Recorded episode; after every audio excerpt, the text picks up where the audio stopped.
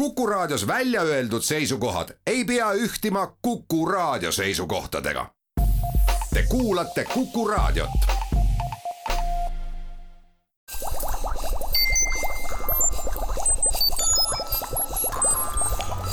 kukkuv õun head Kuku kuulajad, Kuku Õun eetris, mina saatejuht Marek Strandberg ja külla olen kutsunud Mart Loogi, kes on molekulaarse süsteemibioloogia professor Tartu Ülikoolist ja teemaks on asi, mis siin juba nädalapäevi on avalikkuse jaoks kerget huvi kütnud ja jätkab seda ilmselt edasi. nimelt üsna rikkalik rahastus, mis nii süsteemibioloogia kui genoomika alaste äh, süvauuringute jaoks äh, Eestil on osaks saanud. kui räägiksid palun lähemalt, millise rahastusega on tegemist just nimelt selle süsteemibioloogia poole pealt, mille ilmselt äh, esilekutsuja sa ju oled? jah, tegelikult on tegemist pigem sünteetilise bioloogiaga ja ja süsteemibioloogia ja sünteetiline bioloogia on paljuski seotud aga jah, me alustasime sünteetilise bioloogia keskusega kaks tuhat viisteist erinevate rahastusmeetmetega võtsime tööle inimesi, kes on hästi haritud üle maailma ja nüüd me siis saime lisarahastust, et see keskus edasi arendada. vabandust, jah, minu apsakas, et süsteemibioloogia nii-öelda tegelebki nii-öelda süsteemide uurimisega, aga sünteetiline bioloogia kujutab siis endast mida, kuidas kokku panna organism, saan ma aru, või? jaa, see oli tegelikult, ega sa ei eksinud, enne tuleb teada süsteemibioloogiat ja aru saada süsteemidest, sellest siis saab neid süsteeme ise ehitada. just, vastu, vastu, vastu, ei jah, ma just mõtlen, et vastupidi on olnud ju ajaloos väga palju leiutisi, mida on ja. kogemata tehtud, olgu siis näiteks, kuidas väidetavalt Charles Goodyear leiutas äh, vulkaniseerimisprotsessi, et juhuseid on ju siis ma saan aru ikkagi ka sünteetilises bioloogias, ega see ju täiesti nii-öelda puhtal teoorial põhinev asi ei ole või, või on ikkagi? jah, sul on täiesti õigus, et süst-, sünteetilisel bioloogial on kaks eh, põhilist eesmärki, üks on siis loomulikult eh, rakenduslik, eh, teha mm, biopõhiseid näiteks kemikaale või materjale, aga teine on tõesti teaduslik ja selle nagu põhimõte on see, et sa ei saa millestki enne, millestki keeruliselt enne aru, kui sa ise seda pole ehitanud. ja see on väga palju tegelikult rakumehhanisme meile õpetanud, et me oleme proovinud neid ise uuesti. Ja kui sa oled ise uuesti mõne rakulüliti nagu kokku pannud geneetiliselt, siis tõepoolest see on nagu peaaegu tõestus, et sa usud, et niimoodi võib ka evolutsioonis olla ta kujunenud ja, ja, ja ta töötab nii, ju siis see on enam-vähem äh, selge meile nüüd mainid, et kõikvõimalikke aineid on võimalik sünteetilise bioloogia meetoditega ja vahenditega luua. kui keeruline on see, et näiteks mõni tavaline rakk, olgu see siis pärmi või kelle iganes oma õpetada tegema midagi sootuks kummalist ja sünteesima aineid, mida looduses võib-olla mitte nii kontsentreeritult ei tehta, aga millest näiteks materjalitööstuses kõva abi võiks olla. jah, kõige lihtsam on võib-olla tõesti pärm pärm on mudelorganism olnud juba aastakümneid ja tegelikult teine uus meetod on nüüd siis molekulaarkäärid ehk CRISPR, aga neid samasuguseid asju sai pärmis teha juba kolmkümmend aastat tagasi. inimeserakud, taimerakud, need on keerulisemad, aga jah, pärmis on mõne mutatsiooniga geeni sisseviimine mõne päeva küsimus ja tegelikult terve kromosoomi süntees võttis minimaalselt kolm kuud aega ja see on sadu tuhandeid aluspaare. ja nüüd, kui me kujutame ette, et äh, no nii-öelda seesama tippkeskus või keskus, millest sa just kõnelesid, see on tänaseks toimetanud seitse aastat. nüüd ma saan aru, et see stardiimpulss selle rahastuse näol on üsna oluline. mis on see, vähemalt sinu vaimusilmas nüüd ütleme, esimese viie aasta jooksul saavutatavate või loodetavalt saavutatavate tegevuste või tulemuste selline spekter, mida me siis võiksime nii-öelda huvilistena tribüüni pealt vaadata ja kes ka siis näiteks kuidagimoodi kaasa aidata. ütleme, mida me oleme seni suutnud luua, on sisse tuua sünteetilise bioloogia teadmine. esimene siis, kelle me värbasime Rootsist või Taanist, oli äh, Petri Lahtvee, kes on nüüd äh, meie keskuses, aga meie keskus on nii Tallinn, TalTechi kui ka Tartu Ülikooli nagu ühendkeskus, ta praegu on siis äh, sünteetilist bioloogiat arendamas Tallinnas. Siis järgmisena tuli gaasfermentatsioonilabor ja Austraaliast tuli tagasi Kaspar Valgepea, siis on meil eraldi kaks äh, nagu puidu tuumiklaborit, üks on nagu puidu biotöötlus, teine on puidu keemiline pool, seal toimetavad Siim Salmar ja äh, Scott Bottoms Ameerika Ühendriikidest ja meil on ka õppekavad arendatud, äh, bioinseneeria või biotehnika ja ka bakaõppekava ja siis selle ümber on kogunenud sellised akadeemilised laborid, kes püüavad äh, luua sünteetilisi rakke äh, nii Rakubioloogia Instituudist, Tehnoloogia Instituudist ja mujalt. nii et see on nagu multiinstituudi ja multi, mitme ülikooli ühend, see on siis selline esimese viie või seitsme aasta areng ja siis järgmised viis aastat me püüame luua kaks äh, nagu bioinformaatika üksust ja ühe suure sellise DNA või rakkude töökoja või BioFoundry, mis siis hakkab koostöös bioinformaatikaga, lisaks tuleb mitu üksust eh, bio tööstuse arendamiseks, sellised nagu administratiivüksused ja startup'ide ja kogu nagu tehnosiirde jaoks. see rahastus on väga palju selline organisatoorne, ta pole tead-, eriti mitte teadusgrant, vaid ta on just selliste uute struktuuride loomiseks, nii et eh, mina arvan, et siit tulemusi tuleb palju, ütleme, eesmärk on põhiliselt tõsta teaduslikku kõrgtaset, see ongi selle nii-öelda widening excellence on selle Euroopa Liidu programmi ja meie partnerid Taanist, Novo Nordiski keskusest on siis meil nagu mentorid, et see ongi niimoodi mõeldud. ja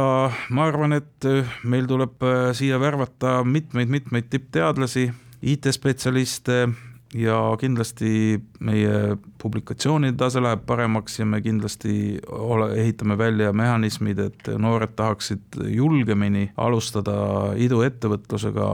biotehnoloogia sünteetilise bioloogia vallas. no, no. Se selle jaoks on olud ühtpidi väga soodsad, teistpidi kõik on harjunud massiliselt nägema iduettevõtlust just nimelt valdavalt infotehnika ja muu sellise vallas. nüüd ma mõtlen selle peale, et kunagi ka siinsamas saates sinuga kõneletud ju lugu sellest, milline perspektiiv võiks olla kõikvõimalike valkude toidu laiemas plaanis tootmiseks just nimelt pärmide abil või ka teiste organismide abil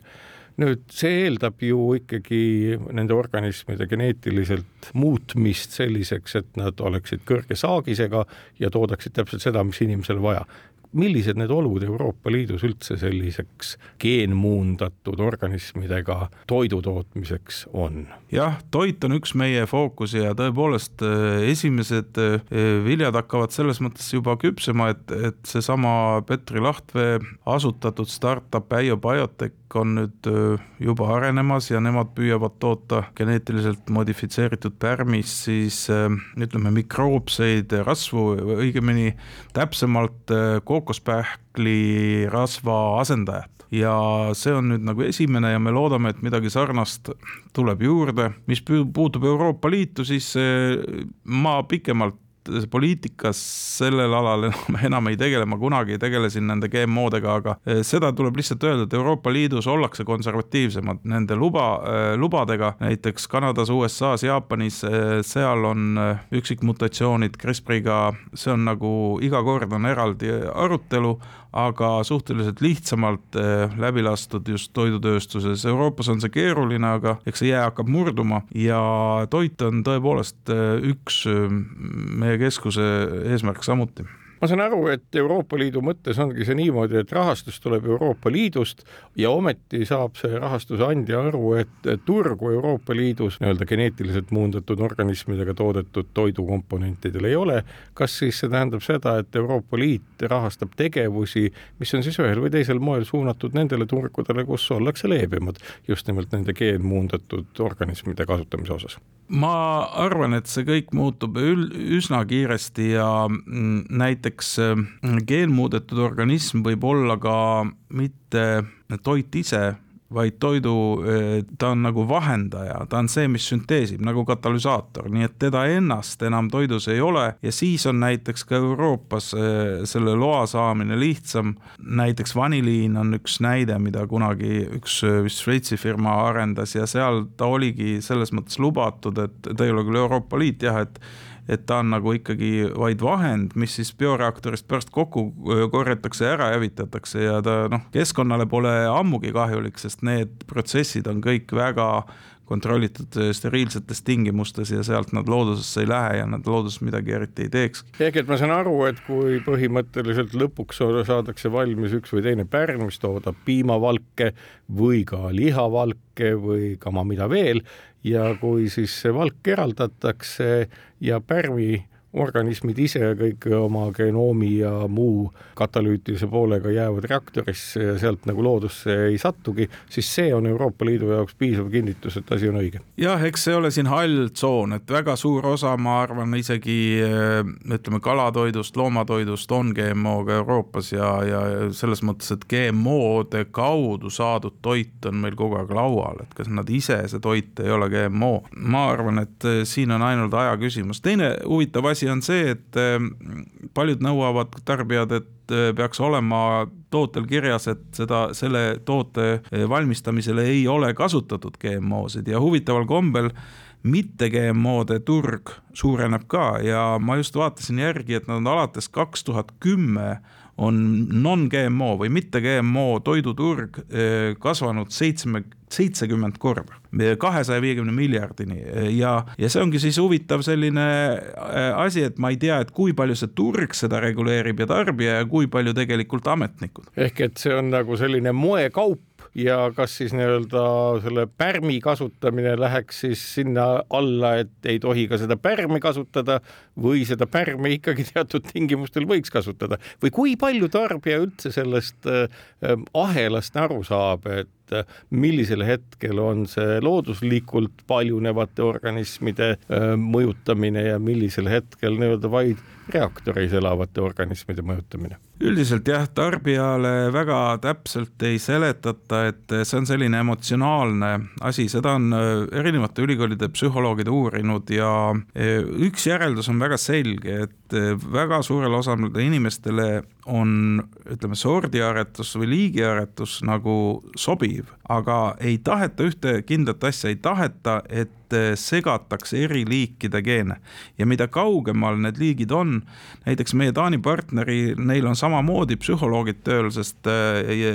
noh, see kogu see sünteetisbioloogia revolutsioon vajab selgitamist ja vajab inimeste uurimist, nemad tegid sellise katse, et nad küsitlesid, neil oli üks mittemädaneva banaani projekt geneetiliselt ja et noh, et inimeste käest küsiti, et kui me paneme selle banaani genoomi ühe geeni juurde lihtsalt, mis äh, muudab ta mitte mädanevaks või noh, aeglasemalt mädanevaks, et äh, see geen on selline nagu universaalgeen, et teda on kõigis organismides sellise keskse metabolismi geen et seda saab äh, üle kogu looduse valida, et mis, küsimus on lihtsalt, et kes selle, milline, millisest organismist sellises äh, organismis paremini kasvab ja siis pandi valida, et kas see geen on rotist või porgandist ja huvitav oli see, et vast-, vastati täiesti sajaprotsendiliselt oldi vastu rotigeenile, aga porgand oli nagu enam-vähem okei okay. kuigi tegelikult nagu sa ise keemikuna tead, molekuli seisukohast ei ole ei ole mingit vahet, mingit vahet., ei ole mingit vahet, ei ole ja. mingit vahet, see vastab tõele. siit läheme aga pausile ja kuulake meid pärast vaheaega edasi. kukkuv õun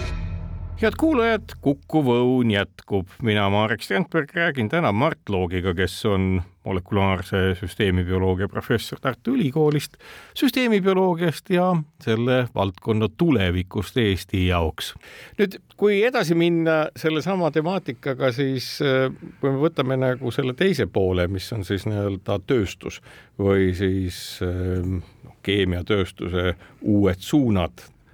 kui palju aineid me tänasel hetkel, mida me tavaliste keemiatööstusprotsessidega, no mis on ju ka katalüütilised ja kus kasutatakse rõhke temperatuure ja mida kõike veel, kui palju me tegelikult saaksime neid asendada just nimelt selliste bioprotsesside ja sünteetilise bioloogia loodud vahenditega? see on hea küsimus ja ma saan öelda ainult äh, selliste mõttekodade nagu uuringute ja projektsioonide järgi ja me McKinsey viimane raport ütleb, et kogu majanduse nagu materiaalsest sisendist kuni kuuskümmend protsenti ja see võib juhtuda täiesti juba järgmise paarikümne aasta jooksul, kolmekümne aasta jooksul. et äh, see nagu annab meile väga suure optimismi, et ähm, tõepoolest äh, igasugused kuni mööblini, ehitusmaterjalideni välja sest noh, eks see tsemenditööstus ja, ja palju selliseid konventsionaalseid materjale on keskkonnale väga kahjulikud ja looduses on ju fantastiline orgaanilise sünteesi katalüsaatorite spekter olemas, et, et loodus omab võimekust ja miks mitte seda kasutada? no siin on ju loodud isegi vaid liivapõhiseid või kaltsium, alumiinium, silikaatide mm -hmm. põhiseid äh, erinevaid nii-öelda betooni asendajaid, millel ei ole üldsegi puutumist ühegi tsemendiga. kuidas nagu selle ringmajanduse kontekstis on, et kas mu selline mõttefantaasia selles osas, et kui bioloogilised süsteemid loovad mingeid materjale, siis on neil endil ja sellest samast teadmisest lähtuvalt ju ka kõige lihtsam üles ehitada noh, seda, mismoodi see uuesti mitte kõige väiksemateks tükkideks, aga uuesti kokku pandavateks tükkideks laiali lammutada. Ja et ju noh, lihtsalt mõeldes, et noh, kasvõi see, et mismoodi termiidid kleebivad kokku suvalise mineraalse materjali ja ehitavad sellest ülimalt vastupidavaid pesi. kas midagi samasugust me kujutaksime ette siis ka materjalitööstuses ja ehitusmaterjalide tööstuses? miks mitte, eriti kui see ringmajanduslik element seal juures on ja tõepoolest, nagu sa ütledki, et, et üldine loogika ütleb, et mida lähemal me oleme tegelikult loo-, bioloogilistele süsteemidele, seda vähem on šanssi, ega tegelikult GMO-de kogu see tegevus ei ole kunagi ilma eh, ohtudeta. aga seda vähem on šanssi, et meil tekivad, eh, ütleme, loodusele kahjud või et mingitest materjalidest tekivad allergeenid või midagi sellist eh, või et need materjalid tekitavad mikroplastiku taolisi osakesi, mis ütleme, loodusele mõjuvad et mida lähemal me tegelike bioloogiliste organismidele oleme, et, et mida seda suurem on kindlus, et me oleme ka keskkonnasõbralikud ja, ja meie inimese tervisesõbralikud nende tehnoloogiatega. ehk et meie tulevikumaterjalid on valdavalt siis ma kujutan ette valgulaadsed ja suhkrutelaadsed, mida siis täiesti uued organismid kokku panevad ja sellelaadsed organismid ka uuesti lahti võtavad ja toodavad neile endile või kolleegidele jutumärkides nii-öelda uuesti tooret, millest siis ükskõik mida kokku panna. mis asi on see ükskõik mida? noh, ehitusmaterjal saame me aru, võib-olla veel mingid konstruktsioonimaterjalid, aga kas on tehtud juba ka katseid, et näiteks pooljuhtegi, millel ju kogu infotehnoloogia põhineb sel moel kokku panema hakata? noh, pooljuhtide kohta ma tõesti ei tea, aga me räägime ju väga palju sellisest asjast nagu ütleme, tekstiilist, siidi saab teha, me püüame ka näiteks puiduligniini töödelda isegi meil laboris meil on üks projekt, et tahaksime nailoni, nailon kuus kuud teha, alustades puidu ligniinist. et äh, meil on ka, noh, see on küll keemiline, üks selline väike startup loodud, et ligniini baasil luua sellist kunstnaha taolist materjali. et ähm, peamine, et see oleks nagu biopõhine ja tõesti, et äh, selle lagundamisel ei jääks siis mingisuguseid lagundamata mikroosakesi, mis võiksid äh, loodusele kahju tuua ja ma arvan, et ähm, eks võib-olla materjalid ongi see, suures osas on, ütleme, plasti asendajad, äh, bioplast ja biolagunev plast, see on muidugi eraldi teema, sest äh, me noh, siin on mitmed küsimused ja ma ei ole nüüd selle spetsialist, aga ka seal isegi kui biolagunemine ei pruugi lõpuni minna ja seal tekivad probleemid. aga jah, lisaks materjalidele on tõesti toit on väga atraktiivne asi ja ma mõtlen seda, et noh, ütleme suhkrut suhkruteks, et võib-olla suhkrut saab põllul ikkagi paremini, ütleme suhkruroog või suhkrupeet. aga tõepoolest näiteks eh, valgud, valkude asendamine eh, mikroobselt toodetud valkudega on, on väga tugev mm, suund. Ja valgud ka liha, kunstliha mõttes kindlasti, sest noh, liha tootmine on väga eh, keeruline, et me täpselt ei tea, kuhu see, kuhu see nagu majanduslikult või äriliselt see lõpuks äh, nagu kuju, et, et äh, kokku tuleb, aga noh, ütleme täpselt see, et äh,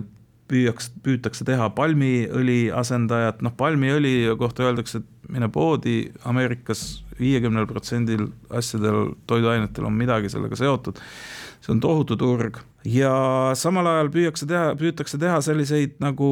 nagu stevia, ütleme su-, suhkruasendajaid, mm, magusaineid ja selliseid lisa, lisandeid, mis on nagu põletikuvastased ained või näiteks väga huvitav asi on see purple tomato, noh, ütleme lilla või purpurtomat, mis, millel on äh, antioksüdanti äh, antotsianiini toodab ja näiteks hiirkatsetes, ütleme vähimudelitega, kui hiirtele neid sisse söödeti, siis nad elasid kolmkümmend protsenti kauem kui, kui need, kellele ei söödetud. et ma pigem arvan, et see nagu nišš saab olema sellised spetsiaalsed keerulisemad ühendid, mis toiduaineid teevad nagu võib-olla paremaks, isegi eh, nad mõjuvad meie tervisele paremini, kui et need nii-öelda milj-, miljonites tonnides toodetavad toiduained nagu toiduõlid ja, ja suhkrud ja äh, aga võib-olla jah, kõige suuremas mastaabis on, ütleme, sojaoa, oast, ütleme, valgud ja sellised taimsete valkude asendamised eh, saavad olema ja ütleme, liha asendamine, et liha võib ju teha kahte moodi, võib teha nii nagu juba ammu liha nagu taimse, nagu imiteerida liha, aga nüüd teine suur suund on kohe päris eh, lihasrakkudest kasvatada. see on kindlasti väga kallis, aga selline, ütleme lihatoode võib olla ka ütleme, südame-veresoonkonna haigustele mitte nii kahjulik kui tavaline liha, et no me saame, ütleme seda niimoodi geneetiliselt mu muuta, et eh, liha söömine ei olegi eh, meie kolesterooli nii, eh, nii hirmutavalt tõstev. aga me ei tea, kuhu see majanduslikult läheb, sest need asjad on siiski väga kallid ja mõnes mõttes, et, et see on nagu ütleme noh, ikkagi luksusesemetega, et mõnedel inimestel on Rolexi kellad, aga kõigil inimestel on kellad, et võib-olla see jääb sellise rikka lääne keskkonnateadliku inimese nagu nišitooteks, aga mõned lähevad kindlasti üle maailma, et, et, et kui me nüüd räägime üldse, et kui, milline perspektiiv sellel on, siis mina ei ole majandusteadlane ja, ja noh, ma ei oska ennustada et kui kaugele me sellega toidust saame minna. siinkohal teeme saatesse ka väikese vaheaja ja kuulake meid pärast pausi.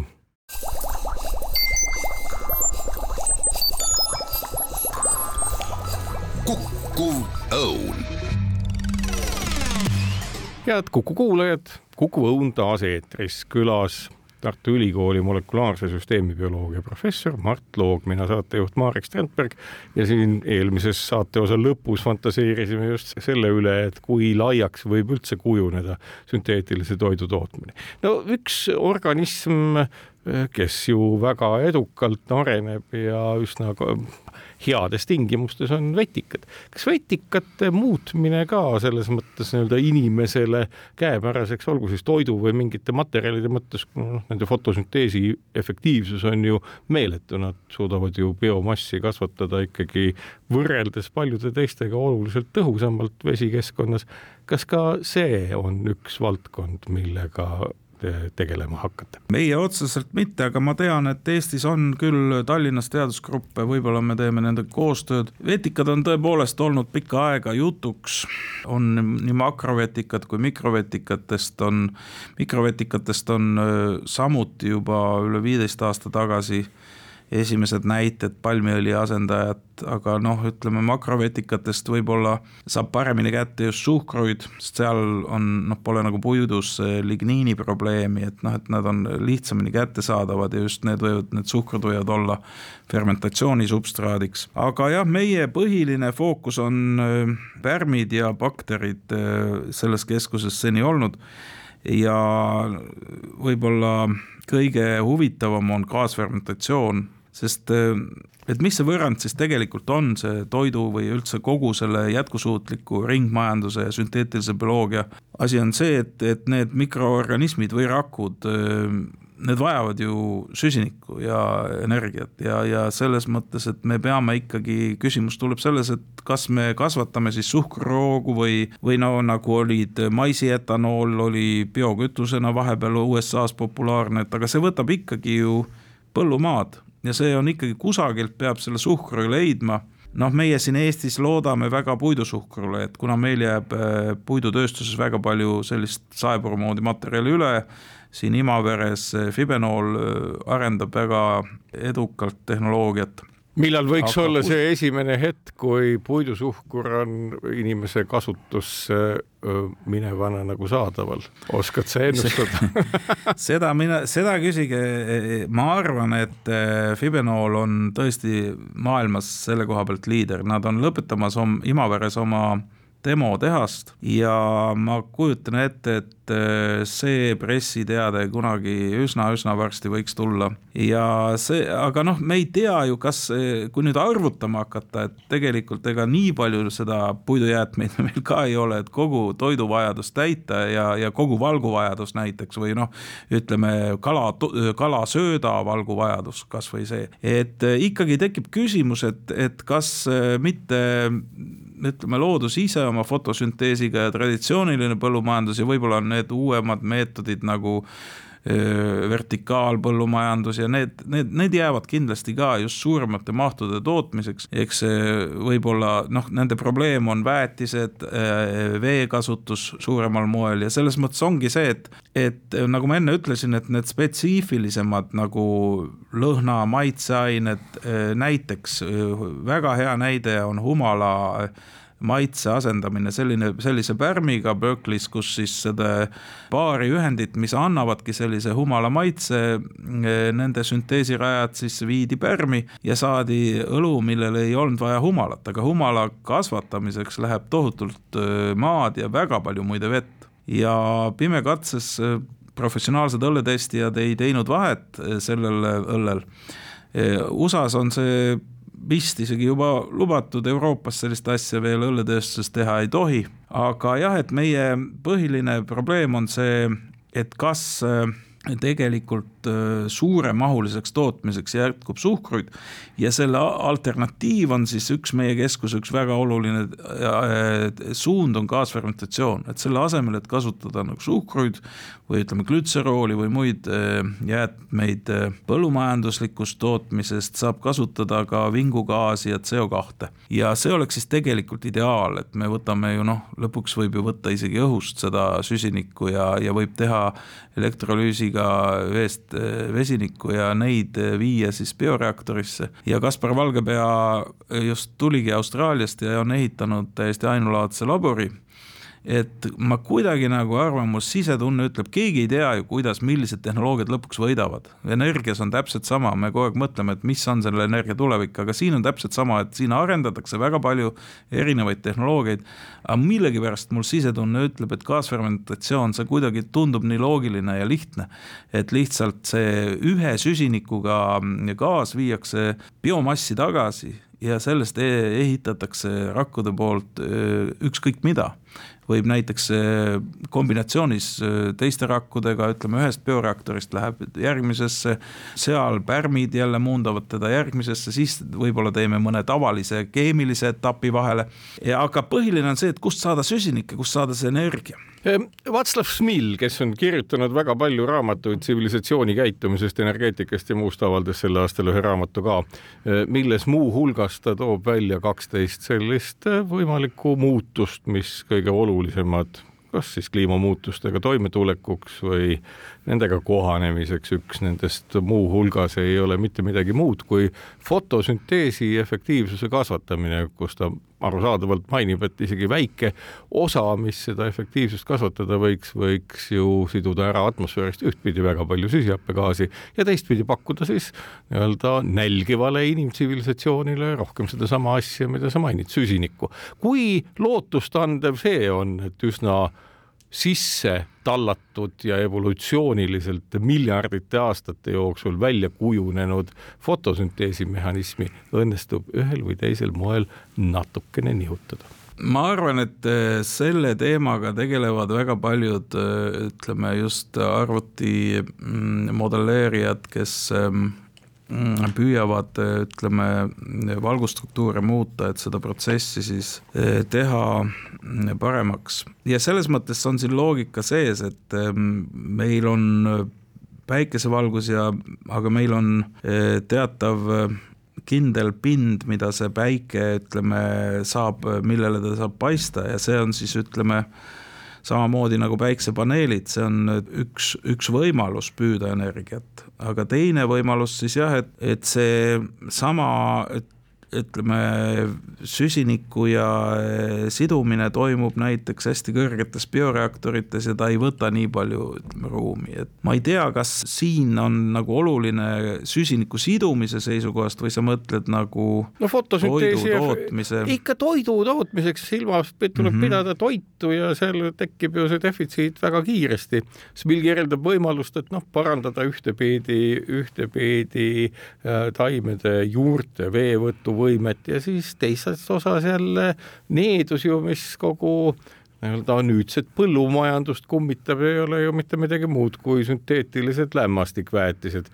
lämmastikku haaratakse atmosfäärist umbes kolmsada miljonit tonni aastas, aga selle looduse oma sidumisvõime jäi vist kuhugi kuuekümne miljoni tonni kanti, kui ma õigesti mäletan. ja et siis ka, kuna juba vist äh, seitsmekümnendat aastal, kui Norman Borlaug sai oma nii-öelda uute taimede aretamise eest Nobeli rahupreemia, siis ta ennustas, et oo, et õige pea, õige pea juba tuhat üheksasada üheksakümmend ja sealt edasi on taimed sellised, et nendel elavad mügarbakterid suudavad kuni sada kilo hektari kohta aastas lämmastikku siduda. no seda pole tänaseks tekkinud. kas selliste nii-öelda lämmastiku sidumise võime tekitamiseks, et nii-öelda vähem lämmastikväetisi toota, on ka mingit lootust või see jääb teie nii-öelda fookusest välja? ei, see on küll ja see on üks võib-olla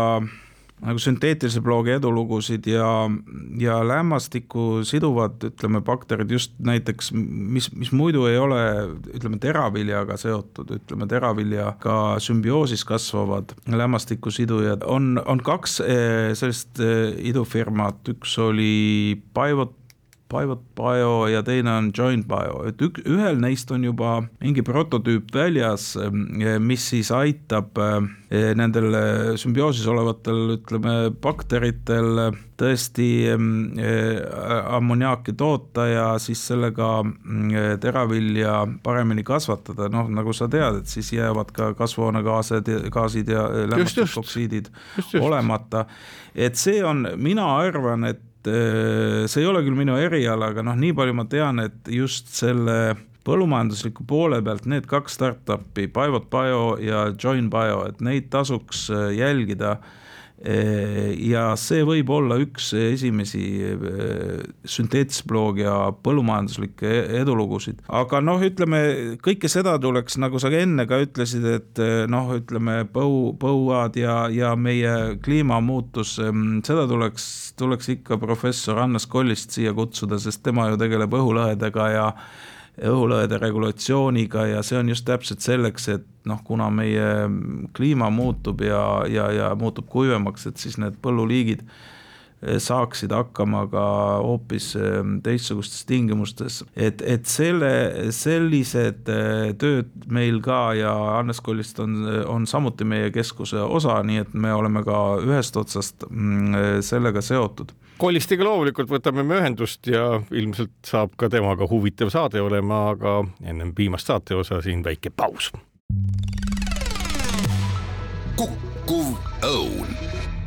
head Kuku kuulajad, Kuku Õun jätkub, külas Mart Loog Tartu Ülikooli molekulaarse süsteemi bioloogia professor, mina saatejuht Marek Strandberg ja me räägime sellest, mida küll bioloogia vahenditega kõik teha saab ja millised lootused on. no ma kujutan ette, et kui naftakeemiatööstus ja kogu naftatööstus ise on tänases mõttes kapitaliseeritud umbes mahus noh, kuuest kuni kümne triljoni dollarini maailmas erinevates ettevõtetes, siis ega see keemiatööstuse transformatsioon ilmselt on umbes sama mahukas, mis tähendab seda, et äh, kas nüüd rohepöörde osana või sellele veel lisaks on tegemist ikkagi väga-väga kapitaalse majanduse muutusega, mida võiks ette kujutada. kuidas sinu hinnangul see asi üldse nagu peale saab hakata, et kui palju peab olema siis neid lubavaid tehnoloogilisi rakendusi välja mõeldud ennem kui pangad, riigid, keskpangad, investorid, kõik ütlevad, ohoo, vaat see on nüüd ikka niisugune asi, et sinna me läheme nii nagu kunagi peeti kullapalavikku ja mis iganes muud, vallutati metsikut läänt ja tekitati tohutut tööstusrevolutsiooni. jah, seda on raske öelda, et sünteetiline bioloogia nagu iga uus asi käib lainetena, et praegu on äh, vahepeal siis tulevad suured investeeringud, lubatakse uut, siis vahepeal aktsiad jälle kukuvad siis tuleb jälle uus, aga selle käigus kõik mm, õpitakse, aga ma arvan, et äh, selle läbilöögi ja just nagu sa ütled, et kuna siis suur raha tuleb sellesse, siin on palju aspekte, mida tegelikult nagu mainida ja üks asi on äh, noh, selline, kuidas sellist traditsioonilist süsteemi lõhkuda või noh, kas seda tohib üldse lõhkuda, et minna uuele tervele süsteemile nagu ja si-, siin on väga suur osa just sellise toidutööstuses on, on nagu me ütleme nüüd tänapäeval globaalne lõuna või me ütlesime arengumaad et noh, me võime küll luua mingisuguse alternatiivi, aga ku-, näide on väga, väga selge näide on Madagaskar näiteks et, et eh, kaheksakümmend protsenti maailma vaniliinist toid-, eh, to-, toodetakse Madagaskaril ja seal on ta sisemajanduse koguproduktist, ma ei tea, üle kümne protsendi vist, no et see on ikkagi väga tõsine osa majandusest. ja samal ajal meil on sünteetilise bioloogia võimalused juba see täielikult, ütleme siin kuskil üles panna ja aga mis juhtub siis nende töökohtadega, kogu Madagaskari majandusega? no teistpidi, me võime küsida ju Madagaskari puhul seda, et äh, need haruldased liigid, kes tänu mandrite triivile ja evolutsioonile elavad vaid Madagaskaril, enamus neist on ju vist üsna kehvas seisus. täpselt. Ja täpselt sama on palmiõli istandustega, ütleme Malaisias, Indoneesias. Ja, ja kõik need vihmametsade kasvatamine ja nüüd ongi see küsimus, et äh, ühelt poolt ju tegelikult me kõik kuulasime seda Egiptuse suurt konverentsi COP kakskümmend seitse. üks põhiline teema seal oligi see, et eh, noh, ütleme elukeskkonnad kaovad, globaalses soojenemises on paljude arvates süüdi industrialiseeritud lääs et tuleb maksta siis kompensatsioone, kui ei tohi enam teha seda ja toda. Ütleme siis okei okay,, et me, me, me hakkame siis äh, rohkem kaitsma vihmametsasid, aga, aga millegi eest peavad ka meie inimesed ju elama ja kui töökohad kaovad, siis äh, peab siis industrialiseeritud lääs hakkama kompensatsiooni maksma, milles osas oli, oli üsnagi konsensus vist et kas, äh, see on väga keeruline võrrand. ma just mõtlen seda, et kas nagu lahendus ei ole ju samasugune, et noh, me ju ei näe täna selles nii-öelda lõunas või arenevas maailmas, et inimesed oleksid traditsiooniliste kommunikatsioonivahendite küljes kinni, ikka kasutatakse nutitelefoni, et sõnumeid vahetada ja mida kõike veel. keegi ei tee enam nii, nagu meil kooliõpikus räägitud, siis suitsu, mis läheb kord mustaks, kord valgeks ja sellega edastatakse sõnumeid. või ei kasutata ka kirjatuvisid, mis on nagu traditsiooniline lahendus, ikka uut tehnoloogiat. kas mitte just sellesama uue tehnoloogia, mida sinagi oma kolleegidega looma hakkad, äh, kättesaadavaks tegemine sellele arenevale maailmale ei oleks just nimelt võti, kuidas ka nende majanduslikke probleeme lahendada, sellepärast et kultuuriliselt nad ju tulevad kõigega toime nagu iga inimene väikese hariduse ja teadmiste lisandumise tulemusena. Noh, osatakse ju teha kõike, parandada autosid, telefone, ehitada üles infosüsteeme, asi siis sellel samal Madagaskari rahval oleks tegeleda ka sünteetilise bioloogia tööstusega no siin on ju teada, et meil on mitmed barjäärid ees samamoodi, et meil on ju intellektuaalomand ja lääne tööstus ökosüsteem on väga suures osas intellektuaalomandi kaitsepõhiselt nagu kindlustatud. teiseks, et teha midagi nii keerulist nagu sünteetiline bioloogia, selleks on vaja väga palju investeeringuid ülikoolidesse, haridusse, kui nendel riikidel seda raha ei ole siis ehm, noh, ei saa seda kohe teha, me teame ju ise Eestis, kui raske on tegelikult viimased kolmkümmend aastat, tahame läänele järele jõuda, aga kui vähe patente tegelikult Eestist tuleb, võrreldes ütleme lääne eh, tööstusriikidega. no võrdleme isegi Soomega, kus vist on ühtekokku umbes viiskümmend tuhat aktiivset patenti, meil võib-olla vaevalt kümme mis on Eesti ja. ettevõtetele või inimestele kuuluvad ja mida aktiivselt kasutatakse. ja no kujuta ette, kui meie, kes me tegelikult oleme elanud kuldsetes tingimustes, meil on lähedal Rootsi investorid, Soome investorid viimased kolmkümmend aastat ja meiegi pole suutnud niivõrd ideaalses keskkonnas nagu teha seda murrangut siis väga raske on arvata, et kusagilt sealt globaalsest lõunast kes on võib-olla nendele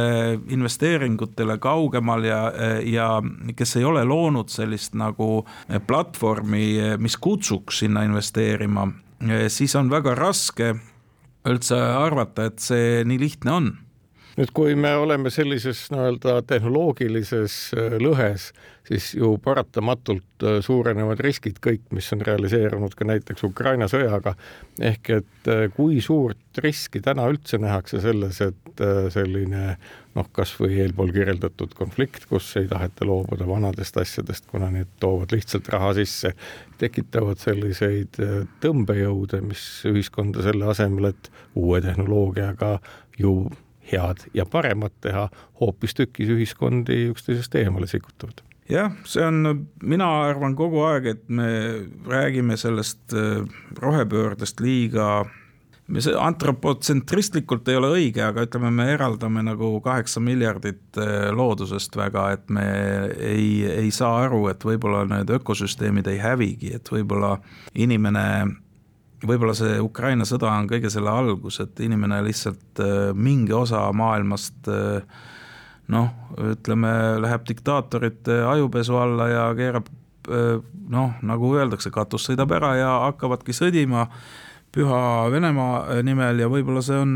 selline omamoodi ökokatastroof, et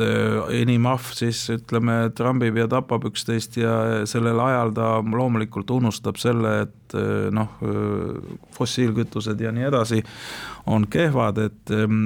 et võib-olla on see tegelikult see stsenaarium ja noh, huvitav on see, et näiteks NASA hakkas äh, üle mitmekümne aasta finantseerima millegipärast äh, äh, nende tulnukate uuringuid. sellest on nüüd räägitud paar aastat juba ja seda, nagu öeldakse, eksoplaneetidelt nende uute, no ütleme, veebiteleskoopidega loodetakse, need uued teleskoobid, et leida tehnotsivilisatsioonide jääkmeid, et noh, et millised nagu atmosfääris on võib-olla jäänukid, ütleme, energia tootmisest, keemia tootmisest ja, ja hirm ongi selles, et et äh, paljud arvavad, et me oleksime selle aja peale pidanud juba mingi signaali saama. aga noh, nagu ütleme, et neid signaale me ju oleme välja raadiosignaale ainult mingi, ma ei tea, sada aastat, ütleme, andnud ja noh, ütleme see, see suur signaalimüra on ju ainult paarkümmend aastat ja kui ütleme, selline tsivilisatsioon jääks püsima, siis ta, me, me võib-olla tõenäosuslikult oleksime mõne signaali juba saanud ja siis suur hirm on siis selles, et, et võib-olla selline tehnotsivilisatsioon tapabki ennast ära ja see, see võnge ongi mingi sada aastat ja sellepärast me ei, ei, see tõenäosus, ütleme meil kedagi, mõnda tsivilisatsiooni üldse universumis kohata on tühiväike. et see, selle ratsionaalsusega nüüd ütleme NASA aktiveeris seitsmekümnendatest alates, öeldi, et meie lendavaid taldrikuid ei finantseeri, kongress ütles, nüüd nad äh, alustasid tehnotsivilisatsioonide otsimise programmi ja me ju ei tea tegelikult, et kas äh, statsionaarne olek, sihuke tasakaalu olek tegelikult äh, nii dünaamilises süsteemis nagu kaheksa miljardit inimest koos loodusega, kus liigid hävivad, üldse on võimalik. Aitäh, Mart Loog, selle üsna kõhedaks tegeva viimase järeldusega, no me lootma peame, et mõistuslik tegevus siiski viib kuhugi paremasse tulevikku kui sellesse ühe võnkega välja suremisse, mis kõrgtehnoloogiaga kaasas võib käia. sellega on Kuku Õuna saade läbi, kuulake meid jälle nädala pärast ja kaunist päeva teile.